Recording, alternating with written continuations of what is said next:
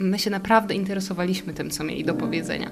I to było kluczowe i to wystarczyło. Jakby płeć jest tutaj zupełnie drugorzędna. Zamieniam się w słuch. Rozmowa Martyny Nicińskiej. Zaprasza kultura u podstaw.pl. Dzisiaj zagłębimy się w treść bardzo ciekawego raportu. Nastoletni chłopacy o dyskryminacji i swojej codzienności, wskazówki dla edukacji równościowej. To jest publikacja, która powstała w ramach projektu Chłopaki na Rzecz Równości, realizowanego przez Fundację Herstory. Autorkami raportu są doktora Katarzyna Hajbos-Walczak i doktora Zofia Małkowicz, które są dzisiaj moimi gościniami. Witajcie. Cześć. Cześć, cześć dzień dobry.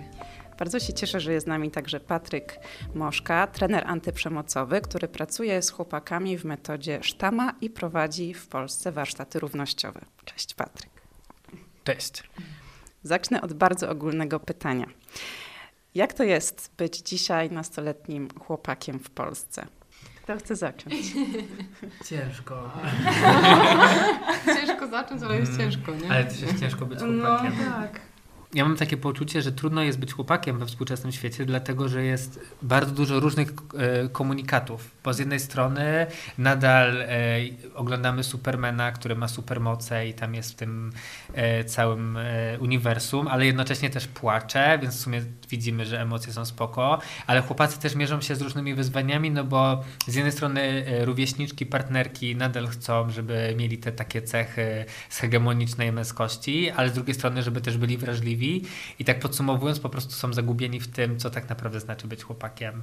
I też chłopacy często opowiadają o tym w takich szkołach, powiedzmy, liberalnych, że boją się na przykład, że będą oskarżeni o jakieś zawłaszczenie różnych rzeczy i tak dalej, więc, więc tak trochę badają, co to znaczy być chłopakiem w świecie, w którym jest dużo feminizmu. Oni też czasem rozumieją feminizm, czasem go nie rozumieją albo rozumieją go błędnie i myślę, że to jest trudne, żeby się w tym odnaleźć, znaleźć jakiś taki balans. To, to ja dorzucę do tego, co Patryk Zofia. Mówi. Tak, ja dorzucę do tego, co mówi Patryk o, o tym, że jest ciężko w kontekście społeczno-kulturowym. W ogóle dzięki, że to powiedziałeś, bo tak zaczęło mi już pączkować w głowie, że, że, że w tą stronę będę chciała e, jakby kleić swoją wypowiedź, ale pomyślałam, że, że, że jedna rzecz to jest ten kontekst społeczno-kulturowy, przemiany, które są, ale bycie nastoletnim człowiekiem w ogóle jest trudne bo to jest moment, w którym uczymy się mm, jakby biegle poruszać w normach, zasadach, w tym, co pisane i niepisane. Do tego nasze ciało dojrzewa, więc to jest kolejne, kolejna cegiełka do tego wyzwania. A jeszcze się właśnie odnaleźć w tym wszystkim jakby i w sobie, i w tym, co dookoła, i w systemie jakby szkoły, w tym, czego chcemy dla siebie w przyszłości, no to się robi z tego niezły kocioł. I, i myślę, że dlatego przede wszystkim jest trudno, bo, bo, bo nie ma prostej recepty na nawigowanie. Czy mm, praca nad tym raportem i warsztaty, które prowadziłyście z chłopakami, pomogły im też trochę rozwikłać e, ten moment w życiu, w którym są. Bo z tego raportu wynika, że trochę na co dzień nikt im w tym nie pomaga, na pewno nie szkoła. Mm, na pewno to, co usłyszałyśmy od chłopaków, co było dla nich takim bardzo pozytywnym rezultatem, to to, że mogli porozmawiać i się usłyszeć wzajemnie. Bo trochę tak jak mówisz, nikt im e, w tym nie pomaga, albo może jest po prostu za mało tych osób, bo są te osoby, ale, ale często nie w wystarczającej liczbie. Mm, to, że mieli okazję ze swoimi rówieśnikami także usiąść i porozmawiać na tematy, które e, po prostu ich poruszają. E, a oni zwykle nie mają takiej e, szansy, bo ani szkoła nie daje takiej możliwości, a oni, no umówmy się, nie są w wieku, w którym stwierdzą, że usiądą i porozmawiają publicznie e, o takich rzeczach, nie? Bo, bo to za bardzo właśnie ich porusza, a boją się pokazywać, że porusza ich cokolwiek. To, to pewnie jeszcze w, będziemy o tym mówić. Więc możliwość porozmawiania, usłyszenia siebie i poznania siebie, nie? Co, co inni myślą na dany temat, to, to, to ich bardzo porusza poruszało, plus to, że sami mogli się zastanowić nad niektórymi kwestiami. Mhm. No to właśnie, nad jakimi? Jakie mhm. poruszałyście z nimi tematy? No, przede wszystkim to, co nas interesowało, e, to jest to, to mm, to co dla chłopaków jest ważne. Uśmiecham się, bo to jest rzecz, do której często powracamy z Kasią, że to jest takie, brzmi jak szerokie pytanie, ale w gruncie rzeczy dotyka samej istoty rzeczy, no bo kiedy pytamy kogoś o to, co jest dla ciebie ważne, to tak naprawdę chcemy się dowiedzieć, kim jesteś, gdzie mm. patrzysz, czemu poświęcasz uwagę, swój czas, zasoby, więc chciałyśmy się dowiedzieć, jakby zrekonstruować, jaki oni mają system wartości, bo e, mogłyśmy wychodzić z założenia, że coś wiemy o chłopakach, ale my nie chciałyśmy tego robić. No, jesteśmy 30-paroletnimi kobietami i od czasów nastoletnich dzieli nas sporo czasu, ale dzieli nas również płeć. Więc ym, postanowiłyśmy, że chcemy trochę zapomnieć, co o nich wiemy mhm. i nawet nie trochę, ale bardzo zapomnieć, co o nich wiemy i, i dowiedzieć się też, w jaki sposób oni siebie widzą właśnie, czyli jaki mają system wartości, jak wygląda ich codzienność, to znaczy jakie mają zmagania, jakie mają, jak wyglądają ich relacje, rówieśnicze przede wszystkim, ale też z ważnymi dorosłymi. I mowa tu nie tylko jakby o rodzicach, ale, ale o nauczycielach czy innych dorosłych, którzy towarzyszą im e, w tej codzienności. I to, co było mm, jakby dla nas ważne, to to, żeby najpierw spróbować nauczyć się patrzeć na świat trochę ich oczami, czyli właśnie na co oni zwracają uwagę, jaki mają system wartości, jak wygląda ich codzienność, a dopiero potem z nimi porozmawiać też o tym, jak oni rozumieją przemoc i dyskryminację i w jaki sposób jej doświadczają. My nie chciałyśmy im narzucać definicji od początku, no bo naszym celem było stworzenie rekomendacji pod edukację. Wiemy, że edukacja się zawsze zadziewa w relacji, czyli jakiś grunt już po drugiej stronie jest. My chciałyśmy zmapować ten grunt po to, żeby edukatorzy i edukatorki, tacy jak Patryk, wiedzieli, w jaki sposób to porozumienie i tą relację nawiązywać traktując ich, te osoby, w sensie tych nastoletnich chłopaków, jako ludzi, którzy już coś wiedzą na temat świata, mają jakieś przekonania i doświadczenia. To ja może uszczegółowię. Jaki jest ich stosunek do szkoły? Co tam, co tam się w tej szkole dzieje? Mhm. Jak oni się odnajdują, co jest dla nich w szkole ważne, albo co wydaje mi się w ogóle nieprzydatne? To, co ja pamiętam, słuchajcie, taka mała rzecz pewnie będzie, no to yy, i to, to się nie odnosi tylko do szkoły, to, że oni bardzo chcieliby być sprawczy, tak. a yy, szkoła im w dużej mierze nie pozwala na sprawczość, yy, tylko no, kieruje ich do wykonywania poleceń. I to jest na pewno ten kawałek ich doświadczenia w szkole, który ich bardzo frustruje. E, dlatego bardzo doceniają nauczycieli, którzy mają pewną elastyczność w realizowaniu programu e, i pozwalania im na po prostu takie zadania, takie działania, które będą ich realnie zainteresowały, które będą dla nich istotne z jakiegoś względu, bo wtedy po prostu czują się dobrze. Mi też chodzi generalnie o środowisko e, kolegów, to wszystko, z czym się wiąże szkoła, nie tylko mhm. lekcje.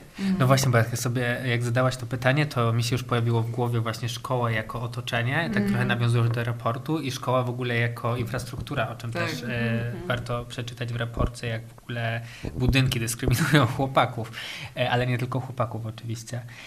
Ja podbiję to co, to, co e, mówiłyście, czyli o tej sprawczości, że chłopaki to podkreślają bardzo często i też jak my mamy taki wątek często, to oczywiście, bo mamy taki scenariusz warsztatów, ale to jest jakby baza i ten scenariusz jest dostosowywany do potrzeb i tego, jak proces działa, ale często pytamy mm, chłopaków, czy mają w szkole osobę, do której się mogą zwrócić o pomoc, mm, o wsparcie, ale kogoś z dorosłych, czy jest jakiś taki bezpieczny dorosły, tak, tak zwany, różnie. Rzadko kiedy są to nauczyciele, którzy by przyszli w pierwszym odruchu, typu wychowawca, ktoś mhm. taki. Czasem jest to nauczycielka WF-u, czasem jest to pan woźny, który okazuje się, że zna najlepiej całą szkołę. Ale, ale dla nich ważny, yy, ważny dorosły, czy bezpieczny dorosły to ten, przy, przy którym oni mogą być sobą, i który ich nie ocenia, bo to jest niesamowicie ważne i to nie chodzi o to, że szkoła ocenia, że daje piątki, szóstki i jedynki, ale że w ogóle oceniane są zachowania i tak dalej. I chłopacy to czują i tego nie lubią i tego nie chcą. I to jest coś, co też e, podbijają zawsze jako wartość warsztatów, że czuli się tu nieoceniani mm. i że czuli się właśnie w tej relacji też, o której ty, Kasia, mówiłaś, bezpieczni, bo my tam nie przychodzimy z tego poziomu. Czy nawet jak e, były warsztaty badawcze, te wprowadzające do badania, kiedy to chłopacy byli ekspertami, ale też już na samych warsztatach sztama, to my tam jesteśmy do facylitowania, a nie do mówienia i objaśniania świata. Co to znaczy? Czyli jesteśmy od tego, żeby łączyć te kropki, które pojawiają się w ich, e, w ich myślach i, i czuwać nad tym, żeby tam się nic nie wykrzeczyło, bo czasem się tak dzieje, że te emocje buzują w nich, jak na przykład są mikrokonflikty w grupach. Mhm. Ale to, co jeszcze jest, e, to, co oni myślą o szkole, to mają też poczucie, że marnują czas w tej szkole, w tym sensie, że czują się przeładowani programem i bardzo brakuje im tego typu rzeczy Zwykle jest tak, że jak pytamy, co słyszą albo czemu tu są, no to, że nie ma, nie ma nas na lekcjach, nie? A jak jest rundka końcowa, to mówią, że fajnie, że nie było lekcji, ale to nie było najważniejsze. Oni dopiero na sztamie, na przykład jest to trzecia klasa, trzy lata ze sobą chodzą i pierwszy raz ktoś ich pyta o ich poglądy, o ich zdanie. I oni znają poglądy swoich baniek, ale nie znają innych kolegów. Nie wiedzą, że na przykład jest w klasie chłopak, który ma trochę inaczej i jest mu na przykład bliżej do jakichś innych, innych myśli. I to podbijają. Że, i, I to o tym mówią, kiedy rozmawiamy o szkole, wprost czy nie wprost, że im brakuje tego, że godziny wychowawcze mogłyby być bardziej taką przestrzenią do pogadania, bo często im się kojarzy pogadanki z czymś takim, że przychodzi policjant i powie, że narkotyki są złe i, tyle, nie? Albo że jest do przygotowania konkretny temat e, taki sztampowy.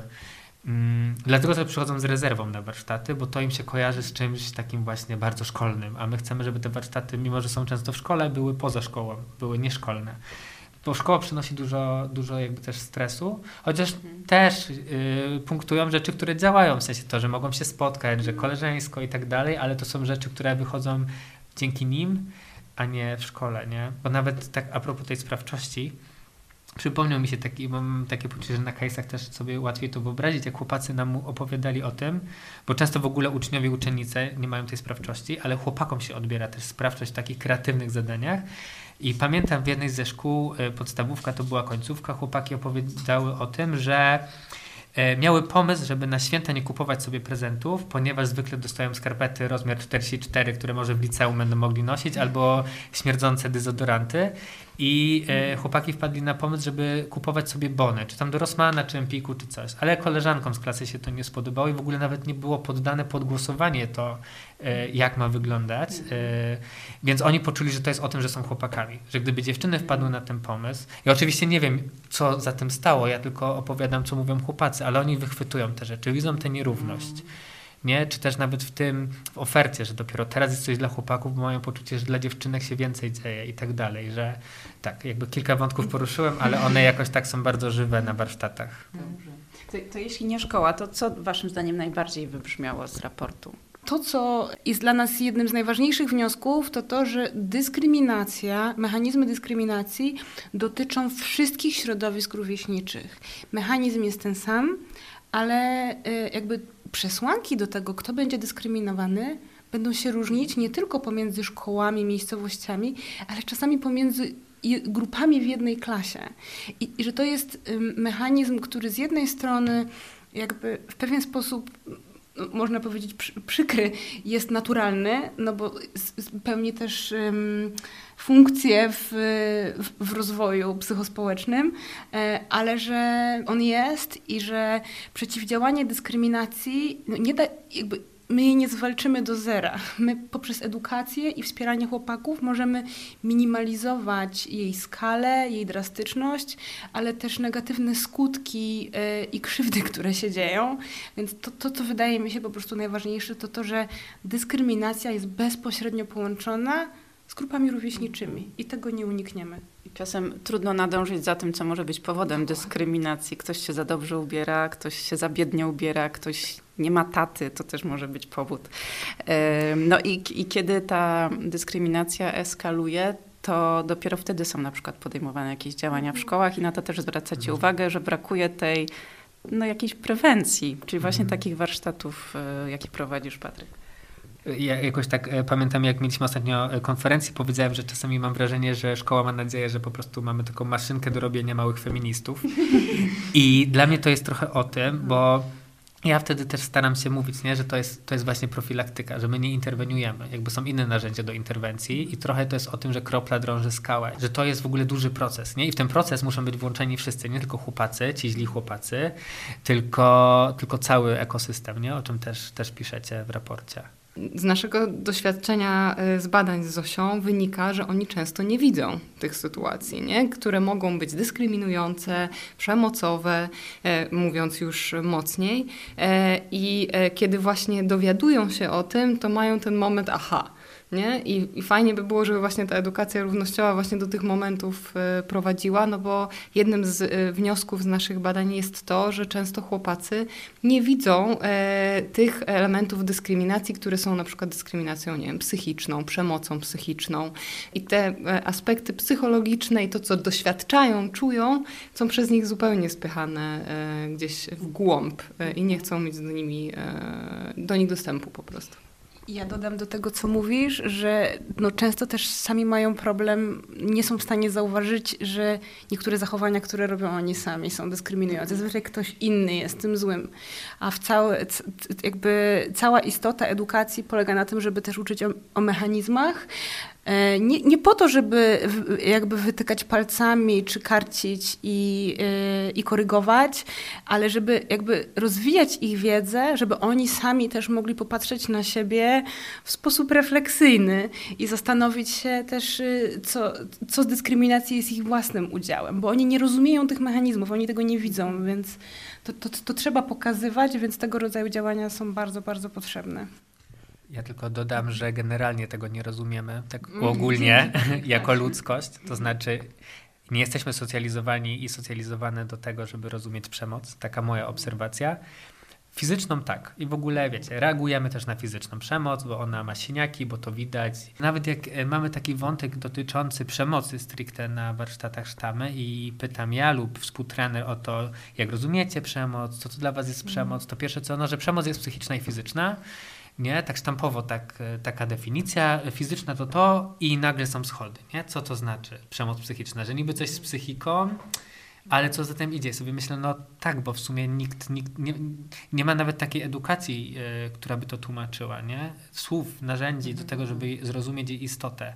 I to jest super ważne, żeby to zrozumieć. Już nie mówiąc o jakichś tam innych aspektach przemocy, rodzajach jak, nie wiem, seksualna, ekonomiczna i tak mhm. dalej, nie? Ale rozróżnienie tego, plus jeszcze zdanie sobie sprawy z tego, że przemoc fizyczna też jest przemocą psychiczną. W sensie nawet jak kogoś bijemy, to nie znaczy, że tam psychicznie nic nie cierpi, nie? Mhm. I to jest jakoś takie dla mnie bardzo ważne, żeby to, to wybrzmiewało. I to nie jest tylko o chłopakach. I w sumie dzięki, że to powiedziałeś, bo tak, podbije to, my wszyscy mamy problem z identyfikacją przemocy psychicznej czy emocjonalnej, no więc skąd się chłopacy mają tego uczyć? Z warsztatu. To, to, ja może na chwilkę przy tym zostanę. Jak, jak to zrobić, żeby taki warsztat równościowy, antydyskryminacyjny do szkoły zawitał? napisać.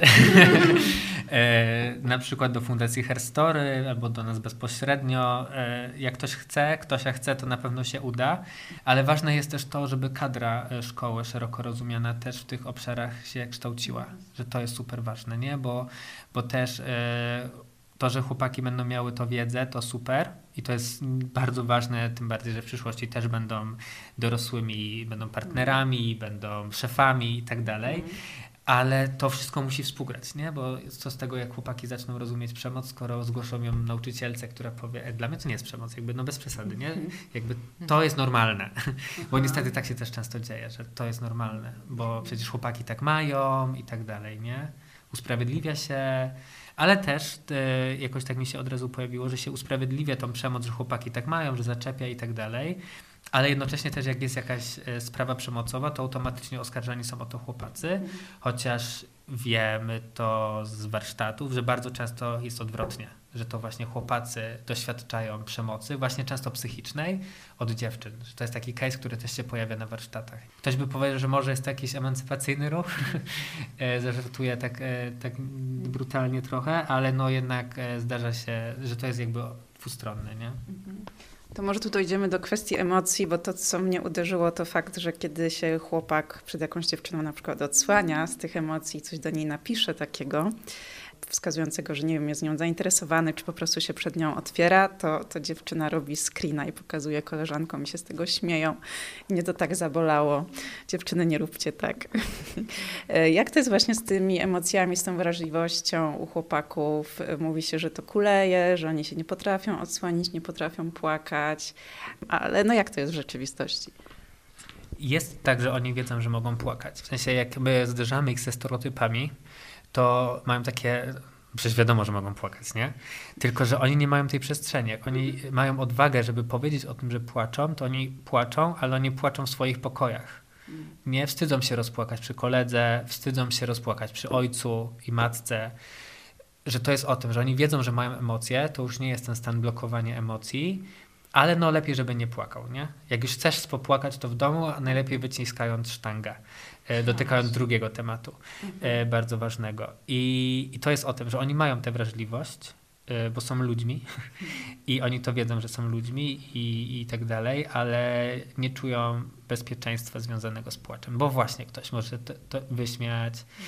Myślę też... Ja, I to jest praca do tak, wykonania dla tak. otoczenia, a nie dla nich już w tym momencie. W sensie i tak i nie, y, bo znowu wracamy do tego ekosystemu, bo to nie jest tak, że oni wszyscy wiedzą o tym, nie? Ja też upraszczam, uogólniam, bo są tacy, którzy nadal stoją na straży, że facet to powinien być twardy, być ostoją. Zdarza się, że mają taką y, trudną wizję przyszłości, że będą musieli pracować na dwa etaty, żeby utrzymać rodzinę i wtedy nie będzie tam y, przestrzeni na płacz. Więc to jest bardziej na takie mm, odbicie piłeczki. No przecież wiadomo, że mogą płakać, któryś tam powie, że mu się zdarza i płacze w samotności, ale nie ma takiej kolektywnej zgody, że wszyscy równo podnoszą rękę, tak ja płaczę, nie? Czy tak płacz jest okej. To jest zróżnicowane i bardziej sobie myślę o tym, że otoczenie też, ale chłopaki też czuję, że nie mają nawet takiej odwagi w sobie, żeby próbować się przy jakimś chłopaku, bo mówią, że można, ale sami przy sobie też nie płaczą. Więc jak to jest, że wszyscy podnoszą rękę, płacz jest ok, ale między sobą też nie płaczemy. Ja mam takie jedno doświadczenie, że byłem w jednej szkole, jakby drugi raz innymi warsztatami, ale byli ci sami chłopacy po części. I, ale to też było takie dość specyficzne liceum, więc to na pewno nie jest tak, że po każdej sztamie się tak dzieje. Ale jak się spytałem tych chłopaków, że w sumie pierwszy raz mam okazję spytać kogoś, czy sztama im coś dała. No i oprócz tego, że tam opowiedział takie osobiste case'y, co, co, co po tych warsztatach, to powiedział, że ma poczucie, że oni jako chłopacy zaczęli się bardziej ze sobą przyjaźnić, nie? I to jest coś, co jakby było miodem na moje serce, ale wiem, że to na pewno nie jest powtarzalne, bo tam też szkoła dba o to, żeby tam było między nimi blisko.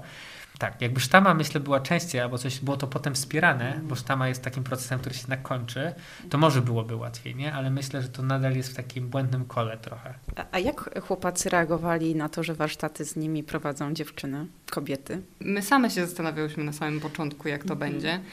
Bo E, Patryk z wami nie siedział. Byłem. Patryk Byłeś. właśnie y, był i to było dla nas ogromne wsparcie y, i no, Patryk po prostu współprowadził z nami y, ten warsztat, będąc właśnie osobą, która zwraca uwagę na chłopaków, monitoruje też y, y, ich zachowania, podobnie jak i my.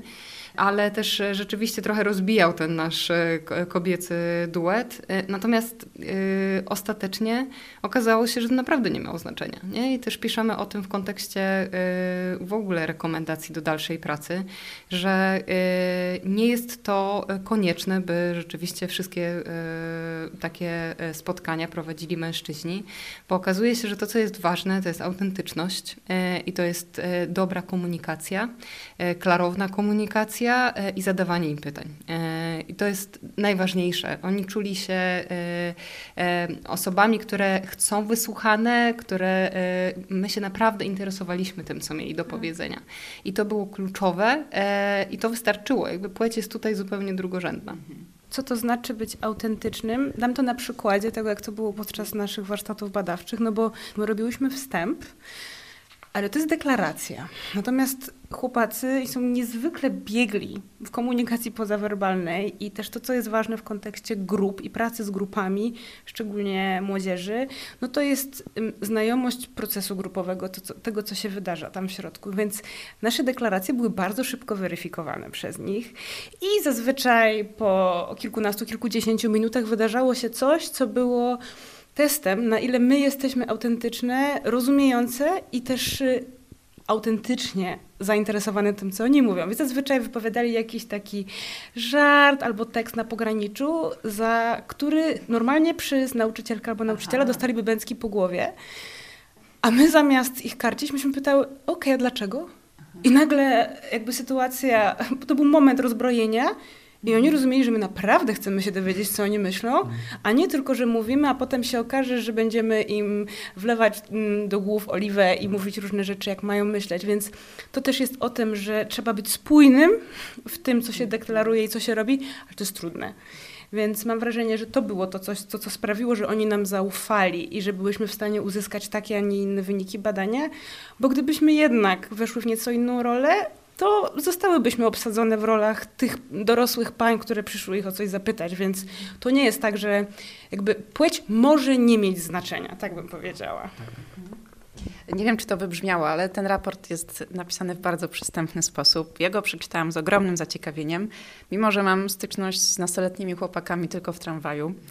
Nie wiem, patrzę na nich bardziej z większą jakąś taką sympatią, mimo że no, nie wydają się tacy na pierwszy rzut oka. Powiedziałeś o tej maszynce, jak zrobić y, z chłopaków fe, feministów. Mi się wydaje, że to jest jakby drugorzędna sprawa w ogóle, ten feminizm. Ten dobrostan jest na pierwszym miejscu. Tak, tak. No bo ja też mówiłem wcześniej o tym, że na przykład chłopacy nie rozumieją jakichś feministycznych postulatów, nie? Oni tak nam mówią. No ale to jest o tym, no, że właśnie nie ma tej wymiany, no bo od kogo mają się dowiedzieć, skoro nikt nie prowadzi rozmów na ten temat. Jedyne, do czego mają dostęp, to to, co jest w mediach, a w mediach jest silny podział. Albo feministki, które obwiniają mężczyzn o dużo rzeczy, albo jakaś taka manosfera, która mówi o tym, że w ogóle zagrożenie, feminizm jest zagrożeniem. I to nie jest tak, że oni zawsze wpadają w jedną albo w drugą pułapkę, bo tam wszystko zależy, w jaką bańkę informacyjną wpadniemy i co nam będzie TikTok czy Instagram dostarczał. Ale to jest właśnie o, tych, o, tych, o tej wymianie, nie? I tak sobie też myślę, e, to co też często mówię podsumowując różne rozmowy o, o, o tym, że te potrzeby chłopaków, one są bardzo różne. Te warsztaty też e, mamy scenariusze, one są różne, bo scenariusze edukacyjne mam to do siebie, że muszą być uśrednione, bo nigdy nie wiemy, co będą mieli chłopacy, jakie zasoby. Ale nieważne, czy to jest mała gmina na Dolnym Śląsku, czy Poznań, czy Warszawa, czy coś, czy prywatne liceum, czy technikum państwowe, nadrzędną potrzebą jest właśnie ta potrzeba spotkania się, wysłuchania, pogadania i wymienienia do, swoimi obserwacjami. Nie? I myślę sobie, że to jest właśnie takie demokratyczne. Ta potrzeba jest demokratyczna. Że nawet w tych szkołach, w których rozkminiają po prostu, nie wiem, filozofów, bo mają rozszerzony polski, to oni tam też potrzebują pogadać, ale właśnie nie w przeintelektualizowany sposób, tylko o emocjach, jakby zdzierając tą maskę in, intelektualisty. A w innej szkole, która jest taka bardzo systemowa, w ogóle poruszenie słowa emocje jest też jakby, i, i to wszystko jest o tym, że nikt nie gada na serio i ich nie traktuje, nie? A jak długo trwają takie warsztaty? Mm, dwa dni. Tak, dwa to jest 16 godzin, no. To mało. Tak, tak. Ale ty też wychodzisz z poczuciem niedosytu z Tak. warsztatów? Ale ja zawsze mówię, bo chłopacy mówią, że za krótko i tak dalej. Ja mówię, że. I to mówię nie tylko na tych warsztatach sztamowych, ale generalnie, jak ktoś mówi o niedosycie po warsztatach, że to dobrze. Bo to znaczy, że tam jest jeszcze miejsce na więcej, komuś zabrakło tego, nie? A jakby bez tego niedosytu, to by znaczyło, że albo było za nudno, że w ogóle odpłynął, albo że jest przesycony. Więc ten niedosyt to jest taki, to dobrze, bo tam potem jest dzięki temu refleksja. No ale co zrobić z tym niedosytem? Nie wiem, W idealnym świecie. Książki? Nie wiem, bo dziewczyny czytają dużo książek o samorozwoju, a chłopacy, jak oni pogłębiają taką wiedzę? Dużo też potem zależy od szkoły, bo szkoła może to dalej wspierać. Może tworzyć, nie wiem, kręgi dla chłopaków, może jakoś też budować, nie wiem. Je, mi się zdarza czasami być w szkołach, które proszą potem o jakieś wskazówki, co dalej robić. To jest myślę, ale super. W sensie mam nadzieję, że to nie będzie tylko wskazówka i nic z tym nie zrobią, ale że faktycznie chcą, bo widzą taką potrzebę, ale to są najczęściej szkoły prywatne, które mogą sobie pozwolić na trochę balansowanie e, z programem.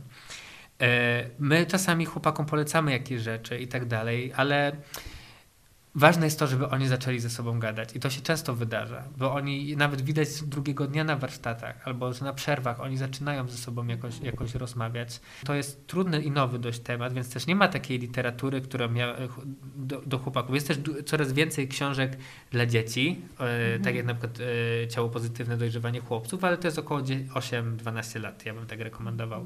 Powoli pojawiają się jakieś, jak stać się szczęśliwym mężczyzną i tak dalej, ale to nie są rzeczy, które kręcą chłopaków, żeby teraz to czytać. Pewnie będą zwracać uwagę na treści, które punkt ciężkości stawiają gdzie indziej i na przykład zainteresuje ich podróżnik, który mówi właśnie świadomie o tym, co czuł, e, albo, no nie wiem, kierowca wyścigowy, który też e, może nagra TikToka coś na ten temat, aniżeli osoba, która no właśnie jakby e, wprost mówi tylko i wyłącznie o tym temacie, chyba że akurat trafią na to w mediach społecznościowych, ale realnie statystycznie jest mniejsza na to szansa. Nie? We mnie, czytając ten raport, pojawiła się silna potrzeba przeczytania takiego, ale o dziewczynach. Czy wa- was też? Napisania takiego raportu? Raportu, jest taka szansa. Czy to jakiś secret project na razie? tak, chyba w marzeniach. W marzeniach. Dobrze, a na razie zachęcamy do tego, żeby przeczytać mm, raport Nastoletni chłopacy o dyskryminacji i swojej codzienności. Jest on dostępny bezpłatnie w wersji elektronicznej na stronie fundacjaherstory.org.